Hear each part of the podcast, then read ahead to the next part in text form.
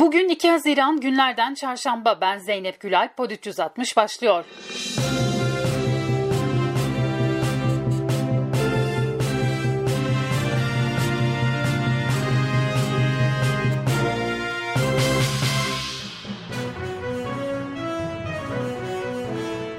Cumhurbaşkanı Erdoğan dün TRT yayınına katıldı. Erdoğan muhalefetin sorduğu 128 milyar dolar nerede sorusuyla ilgili konuştu. 128 milyar dolar nereye gitti? Yani Merkez Bankası'nın parasının nereye gittiği sorulur mu? Bu kadar altyapı yatırımları, bu kadar üst yapı yatırımları, bütün bunlarla beraber bu süreç içerisinde geçirdiğimiz depremler, felaketler. Yani düşünün bu süreçte bir Van depremini geçirdik değil mi? Bir Bingöl depremini geçirdik. Hiç ya bunları nereden bu harcamaları yaptınız diye soran oldu mu?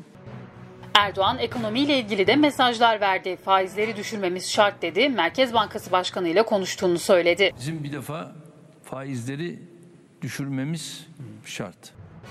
Erdoğan'ın bu sözlerinin ardından Türk lirası yabancı paralar karşısında değer kaybetti. Dolar TL kuru 8,80 ile tüm zamanların en yüksek düzeyini gördü. Liranın yılbaşından bu yana değer kaybı %15'i aştı. Avro da dolarla birlikte tarihi zirvesini 10,76'nın üzerine taşıdı. Merkez Bankası Başkanı Şahap Kavcıoğlu ise Erdoğan'ın faiz açıklamasının ardından para politikasında erken gevşeme beklentisinin ortadan kalkması gerektiğini, enflasyonda belirgin düşüşün 3. çeyrek sonunda başlayabileceğini açıkladı. CHP lideri Kemal Kılıçdaroğlu ise Erdoğan'dan 128 milyar dolar nerede sorusu ve Soylu'nun Sedat Peker'den 10 bin dolar alan siyasetçi açıklaması üzerinden yüklendi. Yani 128 milyar dolar nerede? Efendim bu soru hiç sorulur mu diyor. Peki ne soracağız? Çıkıp diyor ki mafya bir siyasetçiye her ay 10 bin dolar para veriyor. E kim bu siyasetçi? Şimdi yarın bir başka televizyon programına büyük bir ihtimalle çıkacak ve şunu söyleyecek. Ya 10 bin dolar siyasetçiye veriliyor bu da sorulur mu? Meclis Başkanlığı CHP'li Sezgin Tanrıkulu'nun 128 milyar dolarla ilgili soru önergesini uzun buldu. Yanıtların başka bir kaynaktan kolayca öğrenilebileceği gerekçesiyle önergeyi Hazine ve Maliye Bakanı'na iletmedi. CHP İstanbul İl ve İlçe Başkanlıkları 128 milyar dolar nerede pankartlarının ardından şimdi de mafyadan aylık 10 bin dolar alan siyasetçi kim pankartı astı. Deva Partisi İstanbul Milletvekili Mustafa Yeneroğlu İçişleri Bakanı'nın 10 bin dolar açıklamasını meclis gündeminde taşıdı. Yeneroğlu İçişleri Bakanı Süleyman Soylu'nun yanıtlaması istemiyle verdiği önergede organize suç örgütü lideri Sedat Peker'den 10 bin dolar aldığını iddia ettiğiniz milletvekili kimdir diye sordu. Kıbrıslı gazeteci Kutlu Adalı'nın öldürülmesine ilişkin soruşturmada ifade veren Sedat Peker'in kardeşi Atilla Peker adli kontrolle serbest bırakıldı. İyi Parti Genel Başkanı Meral Akşener, Rize'deki protesto ile ilgili Erdoğan'ın bu daha iyi günlerin açıklamasına yanıt verdi. Buradan ilan ediyorum. Sahip çıkmaya devam edeceğim. Köpürsen de, tehditler savursan da hiç kusura bakma. Milletimizin yanında durmaya devam edeceğim. Sen daha dur. Senin deyiminle bunlar daha iyi günlerin. Pandemiden en çok etkilenen sektörlerin başında kültür, sanat ve eğlence sektörü geliyor. Konserler ve tiyatro oyunları neredeyse bir buçuk yıldır yapılamıyor. Eğlence mekanları kapalı olduğu için müzisyenler sahneye çıkamıyor. Aylardır pandemi nedeniyle işlerin durduğu kültür, sanat ve eğlence sektörünün 1 Haziran itibariyle geçilen kademeli normal döneminde de görmezden gelinmesi üzerine sosyal medya üzerinden gözünü yumma ve sahnene sahip çık etiketleriyle kampanya başlatıldı. Sanatçı Hakan Altun sosyal medya hesabından yayınladığı videoda enstrümanının tellerini kesti. Altun sosyal medya hesabından paylaştığı videoya bilmem anlatabildim mi notunu düştü. Miyor bir başkanı Burhan Şeşen de bugün İyi Parti grup toplantısında müzisyenlerin durumunu anlattı. Sokak yasağının 24'e çekilmesini ve sahnelerin açılmasını isteyen Şeşen hükümete seslendi. Ey bu ülkeyi yönetenler!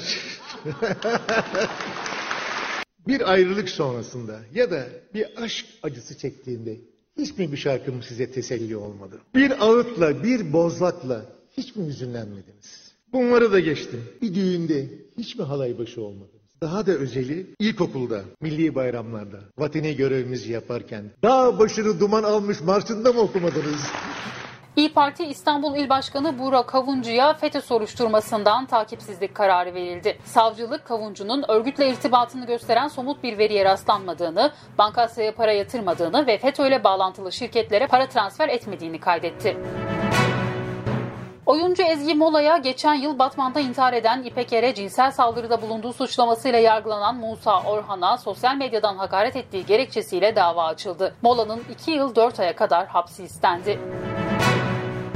Soma'da 8 yıldır tazminatları ödenmeyen uyar madencilik işçileri kendilerine verilen sözlerin tutulmadığını söyleyerek basın açıklaması yaptı. Tazminatlarını söz verilmesine rağmen alamadıklarını söyleyen işçiler tekrar Ankara'ya yürüyeceklerini duyurdu.